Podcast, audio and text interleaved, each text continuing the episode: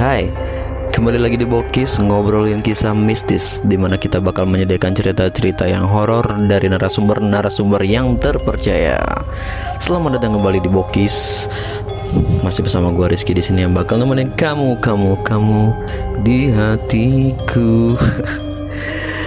Aduh, kacau, kacau.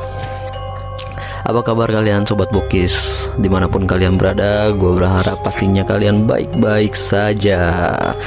Dan kali ini uh, Sebelum cerita ini dimulai seperti biasa ya Buat kalian yang punya cerita yang horor Ataupun ingin apa pengen dibagikan ya Ingin dibagikan bahasanya Yuk boleh banget di share ke kita melalui IG postik di uh, at postik underscore maupun melalui email kami di postik at gmail.com nah sebelum cerita ini dimulai hmm, untuk kalian yang mendengarkan kali ini pernah nggak sih uh, punya sesosok punya sesosok apa teman teman hayalan gitu? Nah kalau gue sih dulu pernah ya. Jadi teman hayalan gue itu seorang balon kayak SpongeBob. Uh, karena cerita kali ini tuh bakal nyerempet nyerempet ke teman khayalan gitu. Cuma uh, temannya ini tuh beneran sesosok jin gitu lah. Wah teman mempunyai teman temannya itu jin. Wah kalau gue sih ngeri juga ya. Punya teman tapi temennya jin yang paling gue punya sih cuma celana jin Oke okay lah uh, cukup basa basinya kali ini ada sebuah cerita yang gue dapetin lagi-lagi dari tweet horror di Twitter di @bujang_bangket, Wih, mistis Kalimantan. Waduh, mistis Kalimantan nih bos. Bukan kaleng-kaleng. Hmm. Jadi uh, cerita ini berjudul teman baru. Nah kayak gimana sih teman baru itu? Sesosoknya itu kayak gimana gitu? Oke tanpa basa-basi lagi silahkan pasang headset kalian duduk yang rapi atau duduk sambil bekerja ataupun sambil tiduran. Bekerja sambil tiduran? Yo enak banget tuh. Terus dapat duit lagi. Dan selamat mendengarkan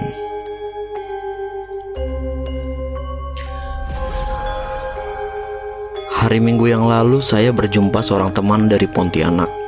Kami kenal di sebuah forum sekitar tahun 2012.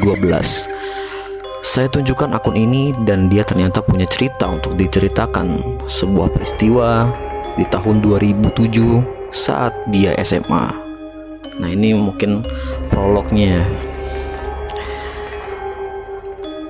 Teman baru. Teman saya namanya Khalid Waduh, berat banget nih namanya Khalid bin Walid eh, atau Khalid Basalama. Oke, teman saya namanya Khalid. Tapi yang mengalami ini adalah teman sekelasnya yang bernama Ando. Kejadian uh, kejadiannya ini di sebuah kabupaten di Kalimantan Barat. Nah, si Ando ini anak baru, pindahan dari Pontianak. Ia ikut ibunya setelah ayahnya meninggal. Waktu itu ia duduk di kelas 9. Di sekolah baru, Ando tak terlalu mudah beradaptasi.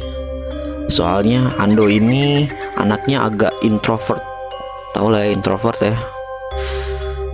Seminggu ini ia cuma dekat dengan Khalid. Itu juga ngobrolnya cuma sekali. Nah, selama di sekolah itu, Ando sering gak sengaja bertatapan dengan seorang cewek. Dia duduk di pojokan kelas 11 11 atau 12 ya? 12 kayaknya. 12 IPS Tiap lewat depan kelas itu Ando sering melihat cewek itu. Sampai suatu waktu Pas Ando sedang di perpustakaan sendiri Maklum Anak sekolah situ jarang ke perpus dan Ando ke sana buat menyendiri. Ando pun melihat gadis itu membaca buku. Gadis itu menoleh ke belakang lalu menatap Aldo, Ando. aku. Aduh, begini begini. Kamu ngeliatin aku? Tanya cewek itu. Sorry. Eh, nggak apa-apa. Jarang aja ada yang ngeliatin aku seperti itu. Kata cewek itu canggung. Maaf, kalau jadi nggak nyaman, kata Ando. Nggak apa-apa kok, beneran. Cewek itu tersenyum. Oh ya, Tiara, kata cewek itu menunjuk dirinya. Oh, Ando. Ya, saya Ando. Setelah berkenalan, tak lama lonceng berbunyi dan mereka kembali ke kelas masing-masing. Ando dan Tiara beberapa kali bertemu di perpustakaan. Sampai-sampai ibu penjaga perpustakaan sering memandang Ando sinis. Mungkin karena mereka banyak tertawa dan berisik. Kamu kok jarang ke kantin sih? Tanya Ando ke Tiara suatu hari. Hahaha, ngapain? Aku biasanya sarapan sebelum berangkat. Terus makannya siang sekalian. Jawab Tiara. Hmm, terus kamu gak main sama teman kamu yang lain? Huh, mana ada yang mau berteman sama aku? Anak kutu buku. Melihat Tiara tertawa getir, Ando memegang tangan Tiara dan bilang, Aku mau jadi temanmu Tiara Tiara pun nampak tersenyum. Ia nampak senang. Sedang di perut Ando Kupu-kupu bertebangan Waduh Kenapa berterbangan di dalam perut? Ada perasaan yang diam-diam tumbuh. Suatu hari di hari Minggu, Ando memberanikan diri untuk mengantar Tiara pulang. Aku ada yang jemput, kata Tiara. Ya sudah, aku temani. Kata Ando menemani Tiara menunggu jemputan. Sampai hari hampir sore, tak ada yang datang. Sudah, biar aku aja yang antar, kata Ando. Namun Tiara merasa tidak nyaman. Dengan berat hati ia naik ke motor Ando. Sore itu begitu menyenangkan untuk Ando. Walau tangan Tiara tak melingkar di pinggangnya, ia yakin itu awal yang baik. Motor melaju ke tepi kota, ke sebuah rumah di dekat kebun. Tiara turun dan berterima kasih kepada Ando. Ando sangat senang. Ia pun pulang dengan hati riang. Karena saat mengantar Tiara sudah sangat sore, Ando pun pulang terlalu malam. Namun sepanjang jalan pulang, Ando merasa tarikan motornya sedikit berat. Punggungnya terasa dingin. Ia menatap ke kaca spion. Memang tak ada siapa pun di belakang. Sampai di rumah, ibu Ando menatap Ando dengan cemas. Kamu dari mana saja? Tanya ibunya. Ngantor teman bu, kata Ando. Di mana memangnya? Ando lalu menyebut daerah rumah Tiara dan tiba-tiba wajah ibu Ando berubah. Ya sudah, kamu mandi dulu. Ibu sudah masak. Katanya. Ando pun masuk ke kamarnya. Namun pundaknya terasa begitu pegal ia mandi lalu makan malam. Ibunya tak banyak bicara malam itu. Kamu tidak apa-apa? Tanya ibunya. Enggak. Kenapa bu? Enggak, enggak apa-apa. Besoknya Ando kembali bertemu Tiara di perpustakaan. Penjaga perpustakaan masih menatap Ando dengan tatapan yang aneh. Kamu tidak perlu mengantarku seperti kemarin, kata Tiara. Kenapa? Pokoknya jangan, katanya. Ando berpikir mungkin Tiara takut ketahuan orang tuanya. Ketika Ando pulang, ada seorang bapak di rumahnya. Bapak tua dengan cangklong di mulutnya. Ia menatap Ando dari atas ke bawah. Duduklah, kata ibu Ando. Kenapa ini bu? Tanya Ando. Ini Pak Samad Beliau ibu panggil untuk memeriksa kita kata ibunya. Ando heran. Dari tampangnya Pak Samad jelas bukan seorang mantri, apalagi dokter. Tapi ia duduk saja mengikuti kata ibunya. Kata ibumu, kamu kemarin ke rumah dekat kebun ya? Tanya Pak Samad. Iya pak, memangnya kenapa? Jangan ke sana lagi ya, bahaya. Loh, rumah teman saya di sana pak. Jangan mengada-ngada, kata Pak Samad. Tak ada siapa pun di sana. Siapa temanmu itu Ando? Tanya ibu Ando. Oh, itu teman baru Ando, Bu, perempuan, kata Ando. Lalu Pak Samad berbisik pada ibu Ando. Ia menyalakan dupa lalu memantrai Ando. Ando hanya diam. Yang dipikirkan hanyalah Tiara. Ibu Ando aslinya memang dari kabupaten itu, saat menikah, ia ikut suaminya ke Pontianak. Makanya, ia tahu tempat yang disebut Ando itu bukan tempat yang didiami orang. Setelah dimantrai, pundak Ando terasa ringan. Tubuhnya tak lagi pegal. Tak lama kemudian Pak Samad pun pamit. Siapa nama temanmu itu? Tanya ibu Ando. Ando tidak menjawab. Ia belum mau cerita banyak soal Tiara. Ia takut ibunya akan melarang ia bergaul dengan Tiara, sebagaimana yang sudah saat Ando dekati dengan cewek. Ando masuk ke kamar, tak mengerti kenapa ibunya terlalu aneh. Besoknya, Ando tak menemukan Tiara di perpustakaan. Ia mencari Tiara ke kelas, juga tidak ada. Cari siapa? Tanya seorang anak di kelas itu saat Ando celingak-selinguk. Ando tidak menjawab. Takut jadi bahan omongan di sekolah. Takut jadi gosip. Membuat Tiara nanti tak nyaman. Dua tiga hari Tiara tak muncul. Ando mulai merasa kehilangan. Maka ditanyalah ke si Khalid. Lid, kamu tahu nggak sih Tiara anak 11 IPS? Hah? Tiara? Tiara siapa? Itu loh, ada yang badannya kecil, rambutnya pendek, terus ponian. Ah, gak ada, kata Khalid. Hmm, kamu gak kenal berarti ya? Aku tuh aktif OSIS, tahu semua anak IPS. Gak ada yang namanya Tiara, kata Khalid. Ando tertegun.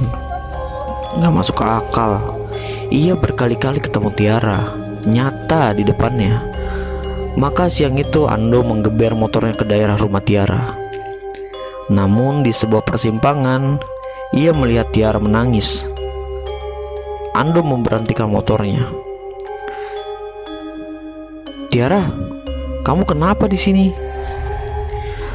Ada sedikit masalah, Dok. Tiara. Hah? Masalah? Masalah apa? Cerita ke saya. Kamu gak akan ngerti, dok. Ya, kita kan teman. Kamu bebas curhat ke saya. Kata Ando. Ia berusaha menggapai tangan Tiara. Tiara menarik tangannya. Belum waktunya, dok. Tiara pun berjalan meninggalkan Ando. Mau ke mana kamu? Pulang. Saya antar. Jangan. Biar saya yang antar. Sebentar lagi maghrib, kata Ando. Ando pun mengikuti Tiara. Tiara berbalik. Oke, kamu boleh antar aku, tapi janji. Janji apa? Janji nanti pas kamu balik, kamu jangan noleh ke belakang, kata Tiara. Kenapa? Kamu percaya aku kan? Iya, Ya udah janji. Oke. Kata Ando walau terpaksa. Bagi Ando, itu syarat yang sangat aneh. Tapi sudahlah, melihat Tiara hari itu cukup membuatnya riang. Ando pun menurunkan Tiara di depan rumah Tiara. Ia memutar balik motornya dan meninggalkan Tiara. Tapi ia memikirkan permintaan Tiara. kenapa ia tidak boleh menoleh? Semakin dipikirkan, semakin Ando penasaran. Maka Ando pun menoleh dan tubuhnya menggigil hebat. Nan jauh di sana tidak ada apa pun selain bentangan kebun, sepi. Rumah yang tadi dilihatnya tidak ada. Apakah benar Tiara tidak pernah ada? Tubuh Ando lemas. Ia terduduk di pinggir jalan. Ando pulang dengan tubuh yang lemas. Ia tidak dapat tidur semalaman. Bayangan Tiara memenuhi pikirannya. Apakah ia sudah gila? Untuk memastikan dirinya tidak gila, besok harinya di jam istirahat ia menemui penjaga perpustakaan. Bu, ibu tahu kan siswi yang sering di sini bersama saya? Ibu itu hanya menggeleng. Bu, hampir setiap hari saya di sini bersama dia. Ibu lihat kan? Si ibu mengelurkan buku tamu. Hanya ada nama Ando di sana. Hari berganti tapi hanya nama Ando yang ada di sana. Kepala Ando mendadak pusing, benar-benar aneh. Ia bahkan masih ingat parfum aroma mawar yang Tiara kenakan. Di jam istirahat, Ando izin pulang lebih awal. Ia merasa tidak enak badan. Lalu di depan sekolah, Ando melihat Tiara berdiri, mukanya pucat. Pipinya basah seperti habis menangis. Kamu sudah tahu ya? Tanya Tiara. Itu bukan Tiara yang pernah Ando lihat. Rambutnya acak-acakan. Ando dapat mencium aroma busuk yang menguak pekat. Bukan, kamu bukan Tiara. Tiara nggak ada. Kata Ando lalu merarikan motornya secepat yang dia bisa. Kamu kenapa? Tanya ibu Ando. Setan bu, Hus, kamu ini ngomong ke orang tua sembarangan. Teman yang Ando bilang itu setan, Bu. Kata Ando. Hmm, ibu memang sudah curiga, makanya waktu itu ibu panggil Pak Samad. Kamu itu ketempelan, kata ibu Ando. Maka hari itu Pak Samad dipanggil lagi. Ando pun diobati lagi. Ando baik-baik saja selama sepekan namun di sekolah ia sering merasa diawasi. Ia selalu menoleh ke tempat duduk Tiara bila melewati kelas IPS, bangku yang selalu kosong. Sampai suatu malam Ando terjaga. Ia melihat bayangan di pojok kamarnya. Ando, bisik sosok itu. Dari suaranya, Ando tahu itu Tiara. Ngapain? Ngapain kamu ke sini? Aku kangen dok, kita kan berteman Kata Tiara melayang mendekat Ando pun panik, ia bersembunyi dalam selimut. Lalu ketika ia mencoba mengintip Kamarnya kembali lengang. Ando sempat sakit beberapa hari. Kamu masih diganggu dok? Tanya ibunya. Dia datang bu Kata Ando Dia siapa? Tiara bu. Ibu Ando termenung. Memorinya mengingat kejadian-kejadian di waktu yang lampau. Jadi dulu, ada seorang anak di sekolah tempat Ibu Ando bunuh diri di kebun. Ia terkenal kutu buku dan sering diledekin di sekolah. Kadang, aksi bully mereka cukup parah. Karena sering dibully, anak-anak lain gak ada yang mau nemenin. Takut jadi korban juga. Nah, suatu waktu si anak ini menghilang, tak masuk sekolah beberapa hari, lalu ditemukan sudah tewas bunuh diri, minum racun rumput. Dan kalian pasti tahulah kalau siswi itu adalah Tiara. Mendengar cerita ibunya Ando, merasa sedih. Ia lalu sadar kalau tak ada Tiara, mungkin ia akan senasib seperti itu. Ia tak punya teman di sekolah dan merasa sendiri. Malam itu, Tiara datang ke kamar Ando lagi. Kali ini Ando berusaha melawan rasa takutnya. Terima kasih dok, sudah menjadi temanku. Sesuatu yang gak aku punya semasa aku hidup, kata Tiara lirih. Ando menahan sedih. Setelah itu, Tiara menghilang dan aroma mawar memenuhi kamar Ando. Ketika Ando baikan, ia kembali ke sekolah. Ia kemudian mencoba lebih akrab dengan Halid. Halid pula lah yang pertama tahu cerita ini dan menemani Ando ziarah ke makam Tiara. Di sana tertulis, Tiara meninggal tahun 1987. Sejak itu, Tiara tidak pernah muncul lagi namun, Ando sesekali menziarahi Tiara sebagai seorang teman yang merindukan sahabatnya.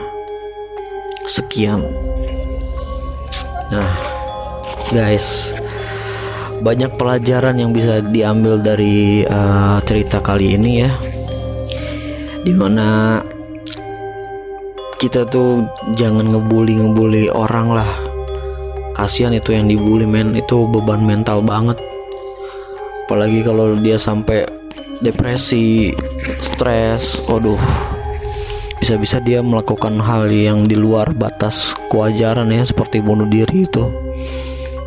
Dan yang kita tahu juga kalau bunuh diri arwahnya ditolak langit dan bumi dia ya walau alam ah walau alam lah. Terus yang kedua itu kita juga mungkin jangan terlalu introvert ya. Maksudnya ya kita berteman aja kayak biasa gitu. Jangan terlalu uh, antisosial ya. karena berteman itu perlu men terus yang ketiga itu kalau ngomong ke orang tua itu jangan sembarangan. Karena kan di sini uh, dalam percakapan ini si Ando kan pernah bilang uh, ketika ditanya ibunya Ando ya kamu kenapa? Setan bu. Nah di sini kalau jawab pertanyaan orang tua itu dengan cara yang sopan yang santun gitu loh bukan ngatain ibunya setan Oke, okay, uh, mungkin cukup sekian uh, bokis kali ini. Kurang lebihnya gue minta maaf dan gue sangat berterima kasih kepada kalian yang sudah mendengarkan bokis sejauh ini. Karena tanpa kalian bokis bukanlah apa-apa, oke? Okay? terus tontonin eh tontonin, terus dengerin bokis seperti biasa di postik melalui Spotify. Kalian boleh share ke teman-teman kalian. Dan jangan lupa kalau memang butuh uh, butuh. Kalau memang kalian ingin menceritakan sesuatu ataupun punya ide ya kita bahas apa yuk boleh banget yuk di share yuk yuk bisa yuk ke IG kita di postik underscore ataupun melalui email di postik@gmail.com ya yeah. Akhir kata gue Rizky pamit undur diri dan selamat bermimpi buruk.